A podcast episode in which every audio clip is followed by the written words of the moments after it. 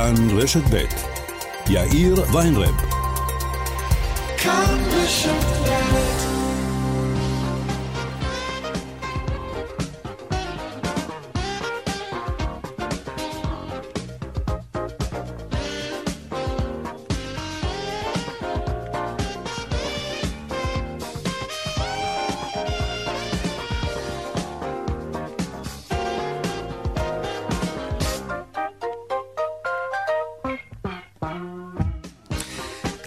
ארבע ועוד שש דקות כאן צבע הכסף ברשת ב', יום רביעי, שלום רב לכם. ראיתם את זה אתמול, את רונלדו, איך הוא הזיז הצידה בקבוקי קוקה קולה שהיו מולו על השולחן, וגם עיקם קצת את הפרצוף, ומיד הרים בקבוקי מים מינרליים, וגם אמר, שתו מים. כן, שתו מים.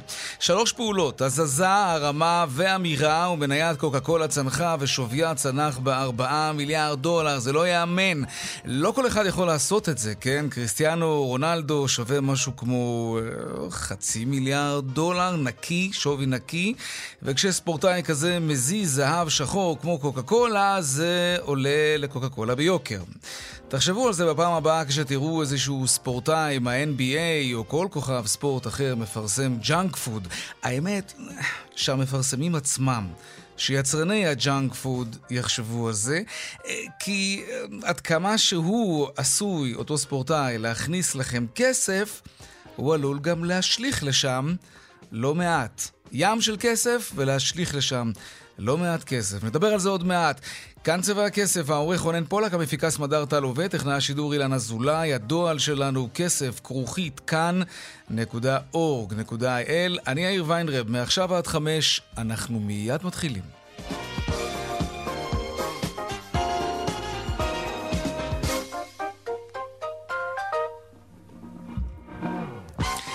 פותחים בחותרות צבע הכסף ליום רביעי, כן, יום רביעי היום. אחרי הקורונה, תוכנית היציאה של בנק ישראל ליציאה מהמשבר. היום הציג הבנק המרכזי את עיקרי התוכנית.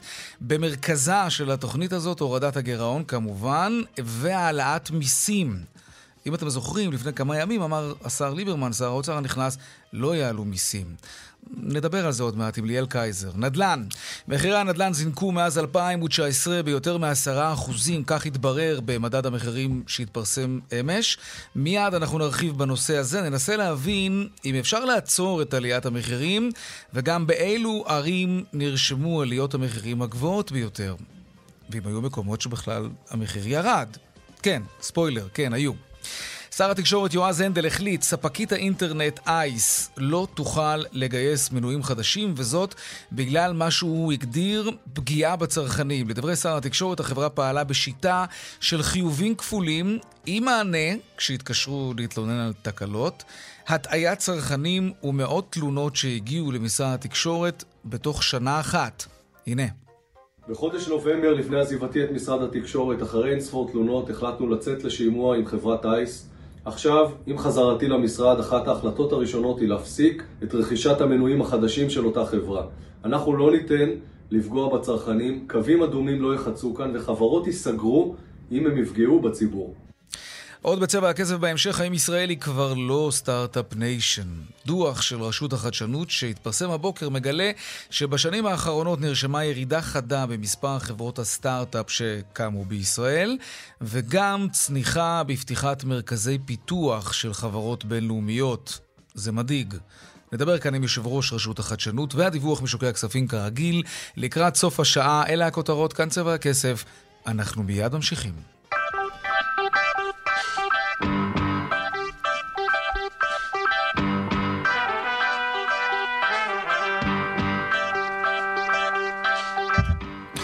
אז uh, כפי שהזכרנו לפני רגע, שר האוצר uh, ליברמן אמר לפני כמה ימים שהוא לא יעלה מיסים, אבל יש מי שחושב אחרת. לא סתם מישהו, הבנק המרכזי שלנו.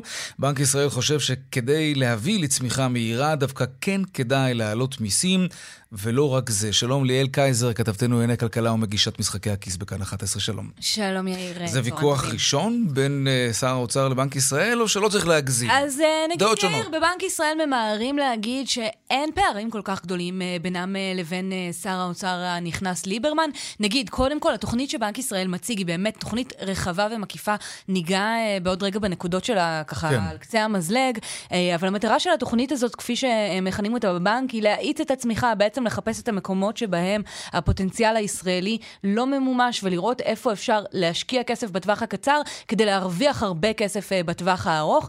ובבנק ישראל אומרים, התוכנית הזאת שאנחנו מציגים עולה לא מעט. מדינת ישראל תצטרך להכניס אה, את היד לכיס, ולכן כדי לממן אותה ובמקביל גם להוריד את הגירעון, יהיה צורך בהעלאות מיסים. מצד שני, הם אומרים, יכול להיות שהעיתוי הוא לא בתקציב המיידי, התקציב שהממשלה החדשה אמורה להעביר בתוך 145 אה, ימים ל-2021-2022, תקציב שבמסגרתו שר האוצר ליברמן אכן מתבטא ואומר, לא נעלה מיסים. אומרים, יכול להיות שהעיתוי יהיה מוקדם, וצריך להגיד, כל הגורמים הכלכליים בעצם דיברו על זה שכדאי להמתין עם העלאת מיסים. בכל זאת, העובדה שישראל מתאוששת אה, מהר מכפי שציפינו בזכות אה, מבצע החיסונים, אה, עוררה סימן שאלה אם יכול להיות שצריך להקדים את העלאת המיסים. בבנק ישראל אומרים, יהיה צורך בהעלאת מיסים, לא בטוח שבתקציב הזה, אבל בואו נדבר רגע על התוכנית באמת המאוד שאפתנית ונרחבת mm-hmm. שהם מציגים. היא מבוססת על ארבעה צירים. הראשון שבהם, ואני חושבת זה שמדבר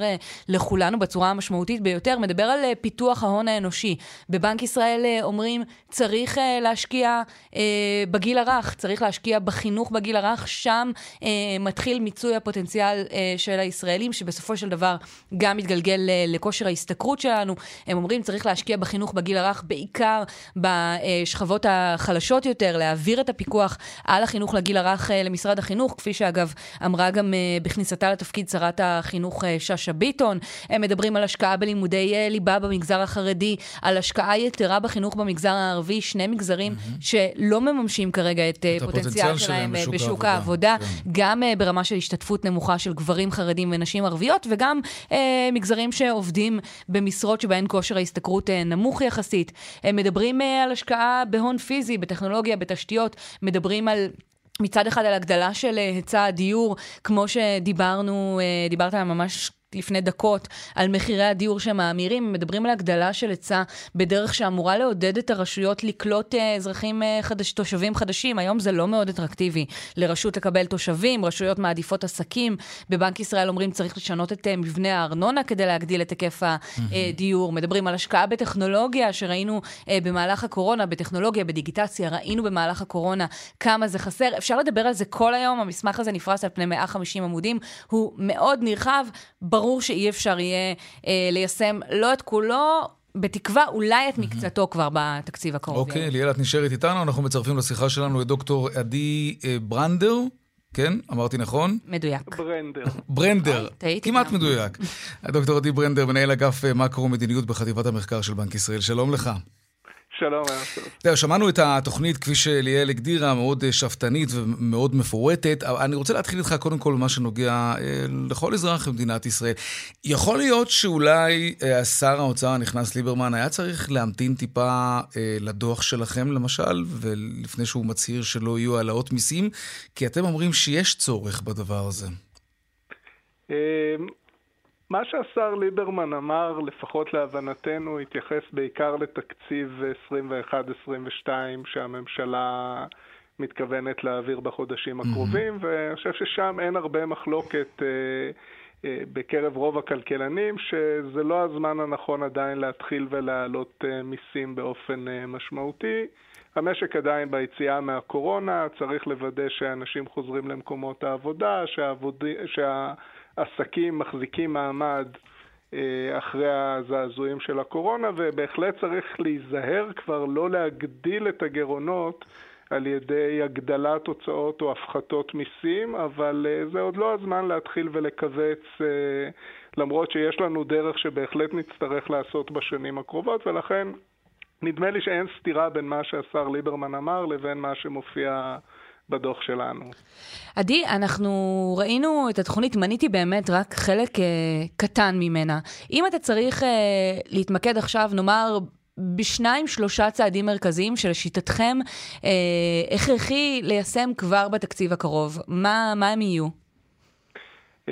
אנחנו חושבים שדבר אחד שהוא מרכזי זה הנושא של התחבורה הציבורית, ובדגש על מערכת הסעת המונים, המטרו באזור גוש דן. זה נראה לא טבעי להגיד שדווקא משהו שיקרה בפועל, או שייתן את הפירות בפועל בעוד המון שנים צריך להתחיל אותו, אבל אם לא נתחיל לעבוד על הדברים, שחס... השלבים שחסרים עכשיו במטרו, זה ייקח הרבה, הרבה מאוד זמן עד שהוא יתחיל לעבוד. לאן זה ייקח אותנו, מטרו כמו שצריך? אם באמת, נאמר, יקיימו את מה שאתם ממליצים בכל מה שקשור לתחבורה ציבורית, לאן זה ייקח את הכלכלה שלנו?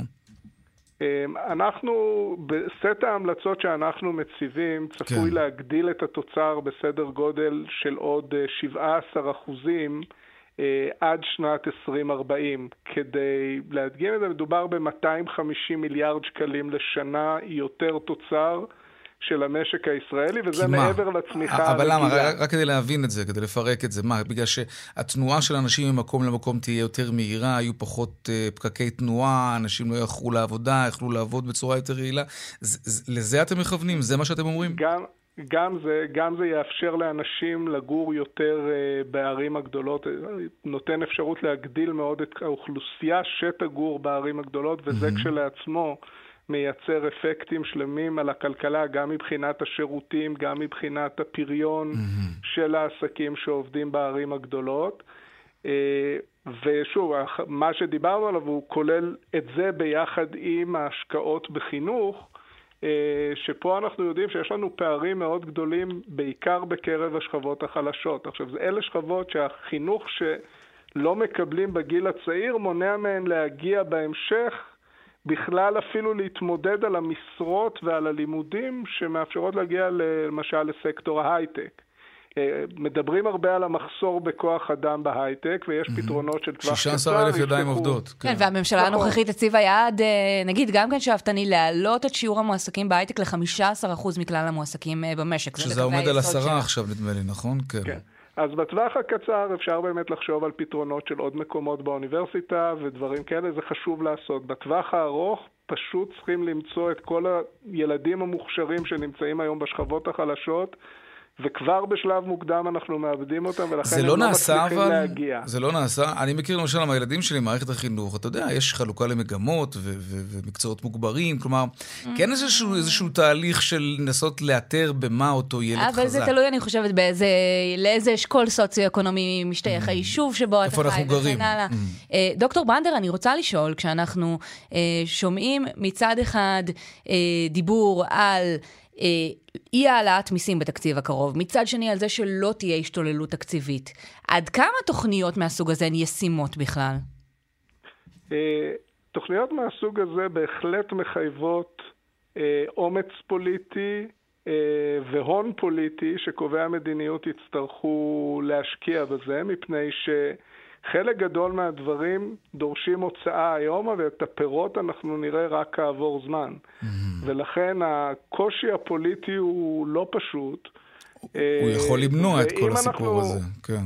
אה, הוא בהחלט עלול למנוע, אבל מצד שני, אם אנחנו מסתכלים על המדינות שהצליחו בעולם, מדינות שעלו מרמות תוצר כמו שישראל נמצאת בהן, תוצר לעובד, לרמות התוצר שאנחנו רוצים להיות בהן, כמו למשל, אנחנו משווים בדוח לסט של אה, שש מדינות מפותחות אה, באירופה, מדינות כמו פינלנד, בלגיה, הולנד, דנמרק. אה, אם אנחנו מסתכלים על מדינה כמו סינגפור למשל, מה שמאפיין את סינגפור זה אותה סבלנות של להשקיע במשך שנים. כדי לקטוף בעוד כמה שנים. ולקחת את הפירות ושוב כן. ושוב להשקיע, כדי בסופו של דבר להגיע באמת לתוצר הגבוה. אה, אין דרך אחרת, ואנחנו, נדמה לי שהדרך הנכונה לפרש את מה שאנחנו מראים זה מה צריך לעשות כדי להגיע לשם. אוקיי. Okay. עכשיו צריך להחליט לעשות את ברור. זה. ברור. אני, אני רוצה לשאול אותך קצת, אולי נצא רגע מהדוח. במסגרת uh, מרתון הפגישות של השר ליברמן, הוא נפגש גם עם ראשי ההסתדרות, והם דיברו איתו למשל על העלאת שכר מינימום ל-6,000 שקלים ועל קיצור שבוע העבודה, ו- ונדמה לי שזה יכול קצת להתנגש עם, ה- עם הדברים שאתם מדברים עליהם בדוח, לא? זה מגדיל את ההוצאות. אלה לא הדברים בוודאי כן. ש, שיוליכו ל, לרפורמות הגדולות. אני חושב שאלה יותר דיונים באמת על איך לחלק את ההטבות לעובדים, איך, האם לתת שכר לעומת ימי חופשה. Mm-hmm.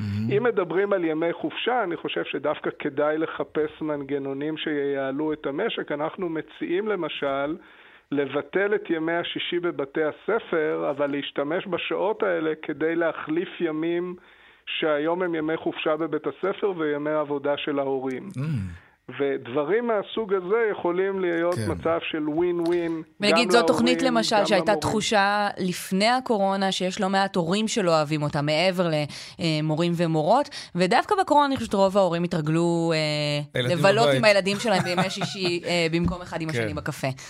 אגב, עשינו סקר בקרב uh, הורים, כן. כדי לדעת מה ההורים באמת חושבים, ומה ומצאנו הוא? תמיכה גורפת של ההורים בנושא הזה. אגב, בביטול ההורים, יום שישי? כן, לביטול יום שישי תמורת mm. ימי החופשה שהיום תקועים להורים. קיצור ימי החופשה בחגים או, או, או, כן, או בחופש כן, הגדול. כן, בחגים, בחופש הגדול, בסך הכל mm-hmm. להחזיר את כל השעות האלה okay. אוקיי. בימים אחרים. אגב, ההורים היחידים שהתנגדו לזה היו מורים. מורים. טוב, זה לא מפתיע. זמננו תם, דוקטור עדי ברנדר, מנהל אגף מקרו ומדיניות בחטיבת המחקר של בנק ישראל. תודה רבה לך על השיחה הזאת. תודה. ליאל קייזר, כתבתנו ענייני כלכלה, תודה רבה גם לך. תודה, יאיר. להתראות. טוב, אה, הזכרנו קצת את ההייטק, אני חושב. כן, דיברנו על זה. יש לא מעט סימנים מדאיגים על עתיד ההייטק הישראלי, כן, הקטר של המשק, זה שהעניק לנו את התואר ה Start-up Nation, כבר לא כל כך מה שהיה. למשל, ירידה חדה בהקמת חברות סטארט-אפ ישראליות, גם צניחה במרכזי פיתוח שחברות בינלאומיות פותחות כאן, בארץ. אז מה קורה כאן? שלום דוקטור עמי אפלבוים, אה, ראש, יושב ראש רשות החדשנות, שלום לך. שלום, שלום וברכה. מה עשינו רע? למה זה מגיע לנו? איך אפשר להגיד שעשינו משהו רע כשההייטק פורח בצורה כל כך uh, מדהימה וחברות uh, ההייטק הצליחו לעבור uh, בסיוע ממשלתי את המשבר הכל כך קשה הזה שמגזרים אחרים במשק נכון. ירדו כל כך, שההייטק מייצא מעל 50 ביליון דולר, בין 3% מהייצוא, תשלומי המס 25% מס הכנסה. רבע מהמיסים מההייטק, לא, כן. לא, ההייטק עובד נפלא, ולא עשינו שום דבר רע, אלא יש תהליכים של התבגרות בהייטק הישראלי, mm-hmm. שבהם יש לנו הרבה יותר חברות בצמיחה, ולכן כשמשקיע בא להשקיע כסף, ויש לו סיכון מאוד מאוד גבוה בסטארט-אפ, מול סיכון הרבה נמוך בחברות שכבר בצמיחה, אז הוא יעדיף לשים את הכסף בצמיחה mm-hmm. ופחות בסיכון. אוקיי, אתה אומר זה לא תהליך של התבגרות, זה לא משהו שצריך להדאיג אותנו, אם אני מבין אותך נכון. זה תהליך של התבגרות, והנקודה השנייה שלך, עוד נקודה על זה, זה שזה גם משהו גלובלי, רואים את זה בכל העולם, גם בסיליקון וואלי יש את אותו תהליך שקורה בשנים האחרונות, וירידה במספר, במספר מרכזי מו"פ הזרים שנפתחו, אז אחד, אפשר לייחס את זה לקורונה, אבל גם בלי זה יש היום הרבה יותר חברות ישראליות שהן uh, ממשיכות לפעול. איך מגיעים מרכזי מו"פ? בדרך כלל מגיעים על ידי זה שהם רוכשים חברה. ואז uh, מוציאים את הפעילות החוצה ומשאירים פה רק את המו"פ, בהרבה מקרים. את המחקר והפיתוח, כן. ואני אומר, ש... את המחקר והפיתוח, בדיוק. ואני אומר שפה, היום יש חברות ישראליות פחות מוכרות את עצמן, פחות אה, עושות מה שנקרא merger and acquisition, נמכרות לחברות חוץ, וממשיכות להנפקות, ונשארות ומפתחות חברה שלמה. אז זה דווקא ברכה. כן, כי, כי עכשיו, זאת הייתה גם אחת הביקורות יבין... הגדולות על הסטארט-אפים, שהם בעצם עושים אקזיט, החברות נמכרות, ואז לא, לא נשאר כאן שום דבר. אז, אז אתה אומר שדווקא התהליך הזה במידה מסוימת הוא בריא, אבל מצד שני, הסטארט-אפים הם אלו שמנבאים את העתיד. כלומר, סטארט-אפ זה, זה רעיון חדש, חדשני, ש, שמכתיב סדר יום בטכנולוגיה העילית בכל העולם, ואם יש ירידה במספר הסטארט-אפים האלה, אז אי אפשר להסתכל על זה לגמרי כעניין חיובי. נכון, אז החברות, אז, אז באמת יותר ויותר אה, סטארט-אפים, חברות קטנות מפחות פה לחברות שלמות, והן אה, לא, לא, לא נמכרות. נכון מאוד שהירידה במספר הסטארט-אפים, ואמרתי שאחת הסיבות לזה זה נושא המימון, אם כך, יש לנו, וכל החגיגה, אני קורא לזה בגדול, של, ה, של ההייטק הישראלי היום, הוא מהשקעות שעשינו לפני עשר שנים, חמש שנים, אפילו לפני שנתיים, mm-hmm. אנחנו כבר רואים חברות שבהנפקה. אז הירידה של היום, אתה צודק במאה אחוז, היא סיכון עצום על העתיד, על שנתיים, חמש ועשר מהיום. ואנחנו בשביל זה ברשות החדשנות שמים את הכסף שלנו, של המדינה, של כל אחד ואחד מכם, אנחנו שמים אותו איפה שיש כשל שוק. וזה אחד מכשלי השוק שאנחנו רואים של, אה, של אה, סטארט-אפים, של, של אה, התחלות חברות ומימון, ואנחנו בשביל זה מעודדים ובנינו כבר תוכנית, ואנחנו מקווים שעם התקציב החדש נוכל להרחיב את התוכנית הזאת, שנוכל לסייע לחברות סטארט-אפים, במיוחד בתחומים שהם לא עם החזר מהיר כמו סייבר וכמו אה, תקשורת, כן. ICT, מה שאנחנו אלא יותר במדעי החיים, יותר אוקיי. אוקיי. ב sustainability. זה ברור. ושמשקיעים ישקיעו שם את הכסף בסיוע שלנו. אני רוצה לשאול אותך אה, לסיום, אה, כי זמננו תם, אה, תמיד אמרו לנו שאחד השיקולים לפתוח מרכזי פיתוח בארץ, אתה יודע, לא צריך להגיד לך כמובן, HP, אפל, אינטל, זה היתרון היחסי שיש לעובדים הישראלים על פני עובדי הייטק במקומות אחרים בעולם.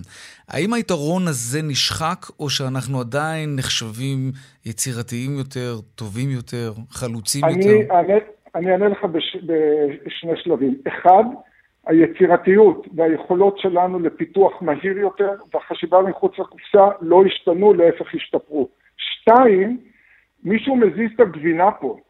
הטכנולוגיות שהיום מסתכלים עליהן הן טכנולוגיות עילית של בינה מלאכותית, של קוונטים, של, שאין לנו מספיק כוח אדם ואין אוי, לנו תמיד את הרמות הכי הכי גבוהות. כן. אם הטכנולוגיה הקוונטית היא העתיד, אז אנחנו עלולים להישאר אחורה אם לא נשקיע בזה יותר. בדיוק, ובזה אנחנו אומרים שאנחנו נמצאים על מדרון חלקלק, כי הטכנולוגיה זזה, כולנו ראינו את הדיגיטציה שהתפתחה בחצי שנה האחרונה, כן. ויותר מהתקדמה, יותר מה שבכל העשור שלפניו. ולכן המרוץ פה הוא מהיר וחוסר במהנדסים במספר האבסולוטי. אנחנו מעריכים במספרים 13,000 משרות פתוחות, לדעתי היום זה כבר קרוב ל-20,000. לא. ואותם, אני קורא לזה מומחים שבמומחים לבינה מלאכותית ומדעי הנתונים, מומחים הכי גדולים לקוונטים. אז אולי בנק ישראל צודק. שיש לא מספיק. צריך ללהק את הילדים האלה שיוכלו לתת מענה למשרות העתידיות האלה כבר, כבר בגיל הרך. דוקטור עמי אפלבום, נכון. יושב ראש רשות החדשנות, תודה רבה לך על השיחה הזאת. תודה לכם. להתראות. דיווחי תנועה עכשיו. באיילון לכיוון צפון יש עומס ממחלף חולון וקיבוץ גלויות עד גלילות, ולכיוון דרום ממחלף קק"ל עד לגוארדיה, דרך שש צפון העמוסה ממחלף נשרים עד בן שמן בגלל תאונת דרכים, סעו בזהירות, ועומס גם ממחלף קסם עד אייל ומעירון עד יוקנעם עילית. עדכוני תנועה נוספים בכאן מוקד התנועה, כוכבי 9550 ובאתר שלנו, אתר התאגיד, האתר כאן. הפסקת פרסומות קצרה ומיד נדבר על מחירי הדירות, ובכלל, עוד לא מעט נושאים כאן בצבע הכסף. מיד שווים. 32 דקות אחרי השעה 4, עדכון קצר בנוגע לשריפות באוזר עוטף עזה. לא כל כך היה ברור מה גרם להם, או יותר נכון היה ברור, אבל לא ידעו את זה באופן מוחלט. עכשיו מתברר, בלוני תבערה, אסף פוזיילוב, כתבנו בדרום, שלום. שלום, כן, זה נמשך גם היום, למרות שלפי הצהרות אה, חמאס, אה, הבלונים אה, רק נשלחו בעקבות מצעד הדגלים, אז מסתבר שלא ממש, לא ממש הוא כך, ברגע שנפתחת הדלת, הדלת כנראה, אז מאוד קל להמשיך. צה"ל אומנם תקף הלילה, וזה כן דבר שכמעט ולא היה בעבר תקיפה לאחר הפרחת בלונים, אבל התקיפות היו יחסית מאוד מאוד מינוריות. אה, כמו שהיה נהוג אחרי רקטות בודדות, mm-hmm. תקיפות של מתחמים אה, ריקים של חמאס. צה"ל גם במקרה הזה גם לא אמר כמה מתחמים הוא תקף, אז אמנם אמר נפתלי בנט דין בלון כדין רקטה, אז לפחות מבחינת התקיפה, אה, אכן דין בלון כדין רקטה, אותן תקיפות של מתחמים ריקים ומעטים מאוד. חמאס מדבר על שני מתחמים בלבד, זה ממש מזכיר את התקיפות אחרי הרקטות של כל מיני עמדות בודדות וריקות. עכשיו ארבע שריפות אה, של בלונים, על פי כיבוי כל השריפות האלה קטנות, אבל גם אתמול, אחרי 20 שריפות, ההודעה הרשמית מכיבוי הייתה שיש מעט מאוד נזק, ואנחנו היום פרסמנו שאחרי בדיקת הנזק במהלך היום הזה הסתבר שהיה הרבה מאוד נזק.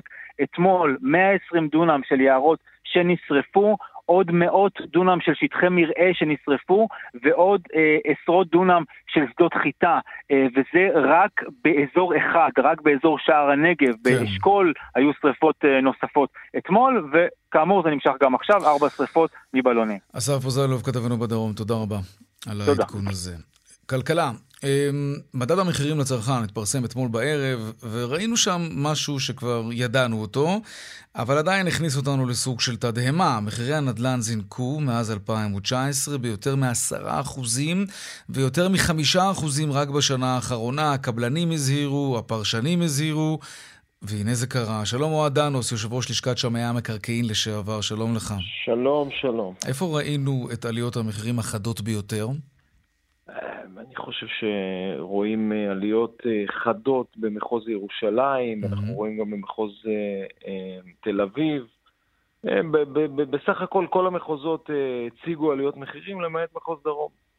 זה בגלל המתיחות הביטחונית שם? אז מחירי הנדל"ן ירדו? אני לא בטוח, אני חושב שהאשקלונים והרכישות באשקלון, כפי שהתבהר לנו, הם צריכות להרתיע את החמאס למעשה. האשקלונים לא סופרים את החמאס. אפילו שהם בקו האש, ממשיכים לקנות שם דירות. ויודעים שחיים כן. טובים יהיו להם שם. אוקיי. כן, בהחלט. זה נכון. אתה יודע, שמעתי את הדיווח הקודם ואמרתי כן. לעצמי, שיהיה פתרון למשבר הדיור כשיהיה פתרון לבעיה העזתית. כשימצאו שם פתרון, אז אולי ימצאו פתרון למשבר הדיור. אה, אתה מבין? זאת אומרת, אנחנו לא מאמינים שיהיה פתרון כן. לבעיה העזתית, למה שנאמין שיהיה פתרון למשבר הדיור? אז כנראה שבגלל זה זה גם לא, לא משפיע במיוחד. תגיד, יכול להיות שזאת, מה שאנחנו רואים עכשיו, כן, אה, בחודשים האחרונים, יכול להיות שזאת רק עלייה זמנית, בגלל שכולם אחרי שנה ש... ויותר של קורונה, ככה, אה, איך נגדיר את זה, מתפוצצים על שוק הנדל"ן, כי, כי הם התעכבו ברכישת הדירה. אז עכשיו מתנפלים, ו- ועוד מעט זה יירגע בגלל הביקושים האלה? יכול להיות שזה עניין זמני? אז, אז תן, לי, תן לי להפתיע אותך, גם בשנת הקורונה היה, כמות העסקאות לא ירדה דרמטית. היא ירדה בשיעורים אה, זניחים של מספר אחוזים בודדים, אבל אנשים המשיכו לקנות דירות. אני לא יודע לומר את זה, אני יכול לומר רק שדווקא הקטר של המשק שהתחיל לנוע שוב, הוא, הוא גם הוא חלק מהתדלוק של, ה, של המדורה הזאת של mm-hmm. הנדל"ן. כי למעשה אנחנו נמצאים באיזשהו מצב שאתה יודע, עם ישראל רובו ממשיך לא לצאת את גבולות המדינה, התחיל, תודה לאל, לצרוך את כל יתר השירותים והמוצרים, אבל גם על הדרך מבין ומבין די טוב שאין כרגע פתרונות בשוק הדיור, ייקח זמן עד שממשלת השינוי בכלל תגבש איזושהי עמדה שתהיה מקובלת על כולם, ואז צריך לראות איפה, מאין יימצאו אותם מקורות תקציבים שיאפשרו את מימוש המדיניות הזו. Mm-hmm. אתה יודע, לכחלון היה אה, מיליארדים בקופה, הוא יכל היה לממש מדיניות. כאן אנחנו כבר נמצאים במצב של גירעון כתוצאה מהקורונה, ולא בטוח שניתן יהיה לממש מדיניות. ובאמת, אנשים אומרים לעצמם, תראו מה קורה, אנחנו שומעים את הפוליטיקאים מדברים, מימין ומשמאל, ובינתיים מחירי הדירות עולים, mm-hmm. מחירי הדירות באזורי ביקוש עולים. וגם לא מדברים על זה עכשיו כמעט בכלל, נדמה לי הממשלה אפילו לא הזכירה את זה כאחד היעדים שלה בתחום הכלכלי. משהו בקווי היסוד, כן. דובר על שיווק של 300 אלף יחידות דיור, וגם זה, זה סוג של איזושהי תגיד, הצהרת כוונות כזאת, כן. שאי אפשר uh, לבנות ברור. עליה. תגיד, אוהד, אה, אה, ראיינו כאן, נדמה לי השבוע, כן, פאנל של אנשי נדל"ן, אה, והם אמרו שאחד הפתרונות, באמת, כמו שאתה אומר, כשנפתור את הבעיה עם עזה, כנראה נפתור את בעיית מחירי הנדל"ן. אבל כאחד הפתרונות שיכולים באמת לתת לזה מענה מסוים, זה בנייה של פרויקטים ענקיים, אולי אפילו בחסות המדינה, להשכרה לטווח ארוך. שאנשים ידעו שיש להם אופציה לגור באותה דירה עשר שנים, אולי עשרים שנה, במחיר קבוע, מפוקח. זה יכול לעבוד כאן אצלנו עם הסריטה הזאת של הישראלים לדירה בבעלותם? כן, אני חושב שכן. אני חושב שאם היו מתחילים עם זה ב-2011, היינו רואים היום אה, מצב עניינים אחר. זה גם סוג של טיפול שהוא אינטליגנטי בשוק, כי אתה לא נלחם בשוק הנדל"ן. אתה מצרף לו את המוצר שכל כך חסר בו, ודרך זה אתה גורם לאתוס הזה של בעלות על דירה להתחיל ולהתפוגג. זאת אומרת, אם היה פתרון של דיור טוב, אה, מוסדי, כזה שאתה לא מפחד מבעל הבית שרוצה להביא את הבן שלו לגור בדירה שחזר משליחות בחו"ל או כל סיפור אחר, אז בהחלט אנשים היו לוקחים את הכסף שלהם ועושים איתו דברים אחרים, משקיעים אותו אה, אה, אה, בהשקעות אחרות. אז, אבל, אבל כל מי שמצוי בשוק הזה יודע שהפתרון הזה כפתרון, זה, אתה יודע, זה כמו שאני אגיד, תשמע, אה, איך נטפל בסרטן, אנחנו צריך להמציא או, ל, או לייצר תרופה לסרטן, בסדר, אבל הסיכוי לעשות את זה הוא, הוא קלוש. למה? זה, זה לא כזה למה? מסובך. כמו שבנינו בשנות ה-90 לעלייה הגדולה מחבר העמים, מברית המועצות לשעבר, למה אי אפשר אה, בחסות המדינה לבנות, לא משנה באיזו, באיזו שיטה יעשו את זה, כן? אז, אז שאתה אומר, אז שאתה אומר בנינו, בשנות ה-90 מי שבנה היו הקבלנים, ומי שנתן להם את, ה, את הבטחת הרכישה של הדירות, אם הם לא ימכרו אותם, היה אריק שרון, זכרו לברכה. נכון. לך. אז, אז באמת היה איזשהו משהו. אה, משרד הבינוי והשיכון כבר במשך שנים ובצורה מסורתית, בגיבוי מלא של האוצר, לא מעוניין לבנות דירות חדשות, לא מעוניין בבנייה ציבורית, הוא לא מעוניין לעשות את זה, הוא חושב שזה יגיע ל... שזה פתח לשחיתויות וזה יגיע לידיים הלא נכונות ועוד אלף ואחת סיבות. המדינה לא רוצה לבנות בעצמה, היא רוצה להפריט את השירותי בנייה לטובת קבלנים, יזמים, והיא באמת, זה מה שהיא עושה. Mm-hmm. כשהיא עושה את זה, אז, ו, ואם אתה יזם, אז יש לך אופציה לקנות או מגרש, אתה הולך עכשיו ליהנות מהכסף ב-20 שנה הבאות בהספרה, כי אתה לא יכול למכור את הדירות, כן. או שאתה יכול מחר בבוקר למכור את כל הדירות ולהיפגש עם הרווח. אז מה, מה קבלנים יעדיפו? כן, זה ברור. עכשיו, זה לא ש... לא שדירה, דירה, חברת דירה להשכיר לא עובדת, היא עובדת, אבל הקצבים של, ה, של הזה, זה לא... זה, זה איטי. כן. זה איטי, למרות שאני חייב לומר שבעקבות המצוקה בקרקעות ובנדל"ן, אתה רואה שחברות בנייה כן ניגשות למכרזים של דיור להשכרה, ומעלות גם שם את המחיר. שם, mm. למזלנו, זה לא משפיע על מחיר ההשכרה. אבל כן הן משלמות היום על הקרקע הרבה יותר ממה ששילמו בעבר, וזה בעקבות המצוקה וההבנה שלהם שאולי כדאי להם שהם יבנו היום דירות וימכרו אותם בעוד 20 שנה. כן. גם אז הם ירוויחו. אוהד אנוס, יושב ראש לשכת שמאי המקרקעין, תודה רבה לך על הדברים. תודה, תודה. להתראות. טוב, אה, עדיין בנדל"ן. אה, באירופה התחילו, שימו לב, להדפיס בתים בתלת מימד. אה, מה זה אומר? והאם זה אפשרי כאן בישראל להדפיס דירות, בתים? והכי חשוב, האם זה מוזיל את מחירי הבתים? שלום יוגב קציר, מנכ"ל אינפרלאב, כן? אמרתי נכון? אמרת נכון, שלום יאיר, שלום למאזינים. תודה. זה, זה ממש מסעיר את הדמיון. מה, מה עשו שם בדיוק בהולנד? זה בהחלט מסעיר את הדמיון, וכולנו מייחלים ליום שיהיה אפשר להדפיס בתים אה, ולפתור את אה, מצוקת הדיור, כמו שהזכרת קודם. אבל אנחנו גם צריכים לזכור שזה עוד, אה, עוד ייקח זמן. התעשייה הזאת, תעשיית הבנייה, עמדה על פרשת דרכים. והאפשרות האחת הייתה ללכת ולפתור את הבעיה באמצעות הדפסה של בתים, ומה שעשו בהולנד זה איזושהי הדגמה. זה נותן איזשהו סיגנל לאן השוק יכול לפנות. אז מה ראו שם? מה, מה, מה הם הדגימו בדיוק? ת, תנסה בשפה הכי ציורית שלך לתאר מה, איך הם הדפיסו בית שם. למעשה מביאים לאתר כן. אה, מיכון שמאפשר אה, להזריק חומר ובמקום לייצר את הקירות של, ה, של הדירה mm-hmm. או של הבית, אה, וכך בזמן מאוד מאוד קצר לייצר יחידת דיור ראויה למגורים. מה זה קצר? ומה אנחנו מדברים, כן. אנחנו מדברים על, על, על שבועות, אמ, אבל אנחנו צריכים לזכור שזה פרויקט אה, הדגמה. אה, זה פרויקט להדגמה, ואם אני מתחבר לשיחה הקודמת שלך, כן. אני חושב שיש פתרון קצת יותר טוב מלהדפיס אה, דירות, ולפתרון הזה קוראים בנייה מתועשת. שם שאולי קצת פחות אוהבים לשמוע בישראל, אבל כשמדברים עליו בעולם, על prefabrication, זה תחום שתופס תאוצה מאוד משמעותית ובונים בו אלפי ומאות אלפי יחידות דיור. כן, אה, ראיתי כמה פרויקטים כאלה, זה מאוד מהיר, כי מביאים ממש את הכל כזה במין פלטה אחת כזאת ופשוט מעמידים בניין בזמן מאוד מאוד קצר. אמ, אבל בכל זאת, כשאתה מדבר על הדפסה של, של, של בית, אז בינתיים זאת רק קריאת כיוון, כמו שאתה מתאר, אבל בכל זאת אני מניח שיש כבר מישהו שיודע לנסות לפחות לשער כמה זמן ייקח יהיה לבנות באופן הזה בניין של ארבע קומות, או שמדובר בכלל רק על בתים פרטיים. כרגע הכיוון הולך בעיקר לבתים פרטיים. אה, יש אתגרים מאוד גדולים הנדסיים כשמתחילים אה, לעלות לגובה, mm-hmm. ולכן, שוב, זה איזשהו, איזושהי קריאת כיוון, קריאת כיוון שכולנו אולי מייחלים לה, אבל היא תקרה בעתיד הרחוק. בינתיים השוק הזה עובר, ושוק הבנייה והתשתיות עובר ממש שינויים טכנולוגיים מאוד עמוקים. שמעורבים בהם חיישנים ורובוטיקה mm-hmm. ובינה מלאכותית. אה, והמדפסות התת-ממדיות שהגיעו בהמשך.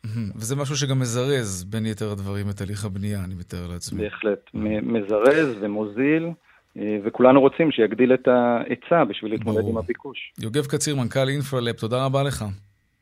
להתראות. להתראות. דיווחי תנועה עכשיו. דרך אשקלון, אה, דרך אשדוד אשקלון עמוסה ממחלף אשדוד למחלף עד הלום ולכיוון צפון מניצנים עד גן יבנה ודרך 66 דרומה עמוסה ממשמר העמק עד צומת מגידו. עדכוני תנועה נוספים בכאן מוקד התנועה הכוכבי 9550 וגם באתר שלנו, אתר התאגיד, אתר כאן. הפסקת פרסומות קצרה ומיד אנחנו חוזרים לדבר על רונלדו נגד הקוקה קולה. כן.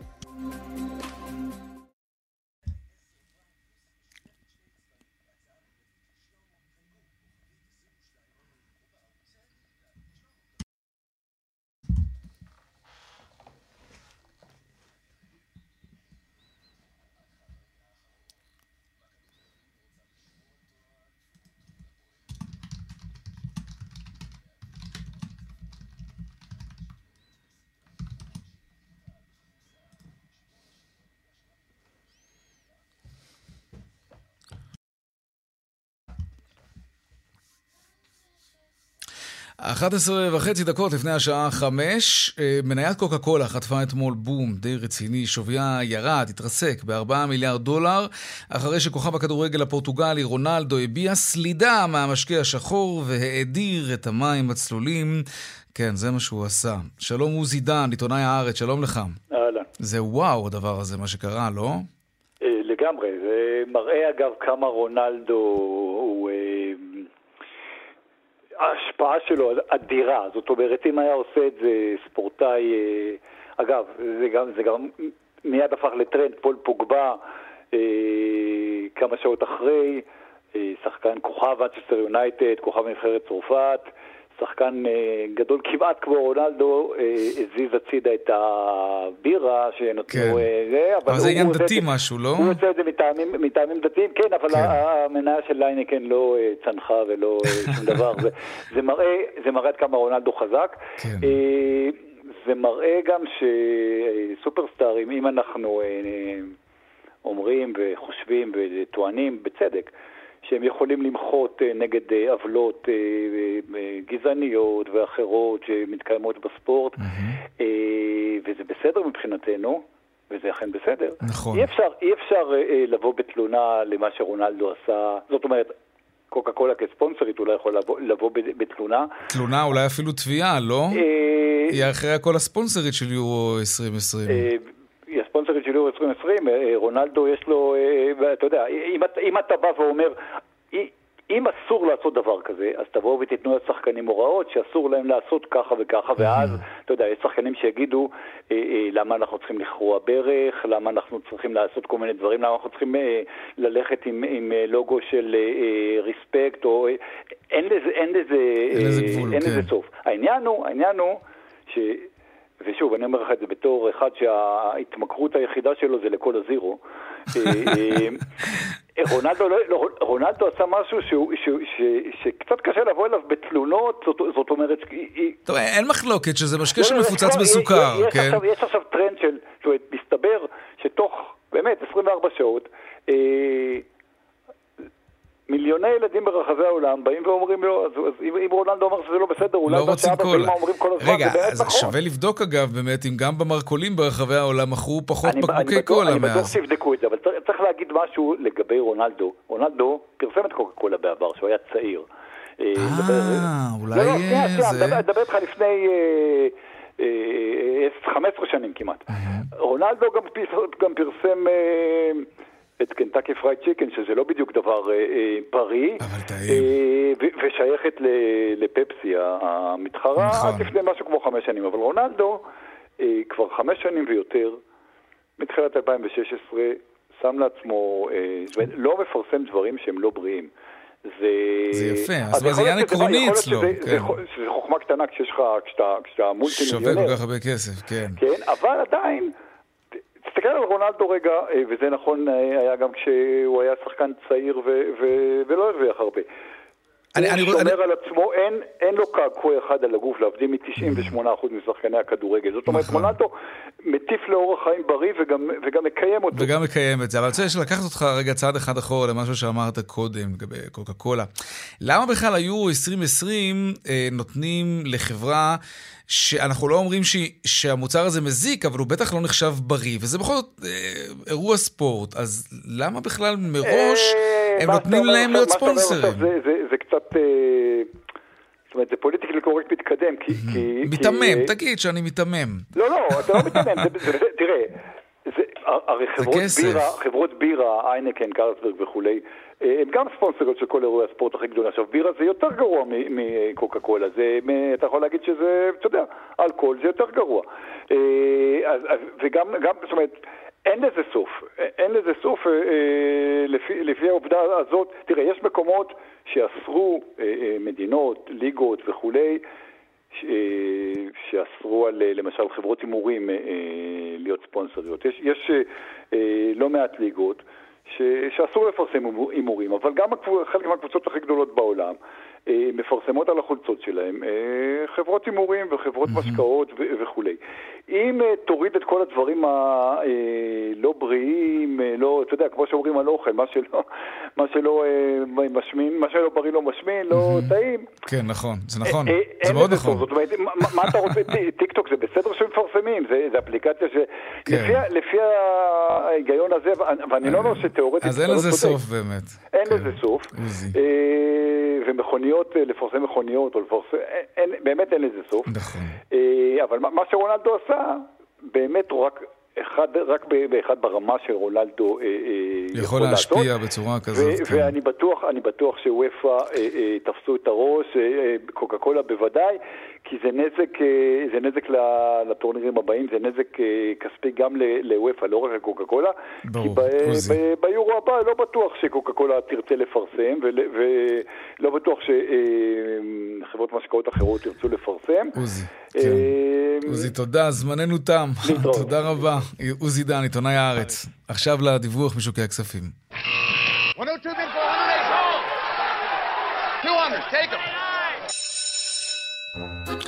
שלום אלעל קלה, יושבת ראש IBI קרנות נאמנות. שלום, שלום. כן, סקירה שלך. כן, אז המחזור בישראל עמד על כ-1.2 מיליארד שקלים במגמה מעורבת. מדד אה, המעוף תל אביב 35 עלה מעט מאוד, 0.03 אחוז, תל אביב 90 אה, ירד ב-0.6 אחוז, מדד המניות הקטנות אה, ירד ב-0.75 אחוז. אה, המסחר התנהל על רקע ירידות אתמול בארצות הברית ועל רקע זה שהנפט שבמרץ 2020 הגיע לשפל של 37 דולר לחבית, הגיע לרמת שיא של 72 דולר לחבית, WTI. זה חלק מהבעיה בשווקים, ו... אה, מנגד, ההייפ הטכנולוגי אפשר לחברת ווקמי אה, הישראלית, אה, שהונפקה בוול סטריט לפי שווי של 2.5 מיליארד דולר. במקביל, בהקשר של ההייטק הישראלי,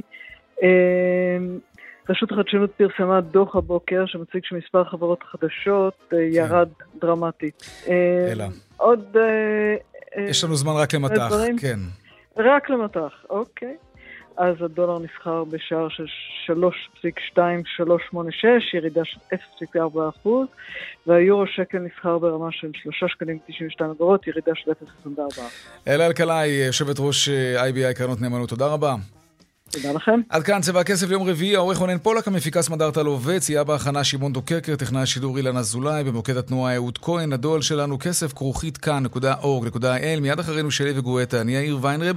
ניפגש כאן שוב אה, ביום ראשון, בארבעה אחר הצהריים, ערב טוב ושקט שיהיה לנו, שלום שלום.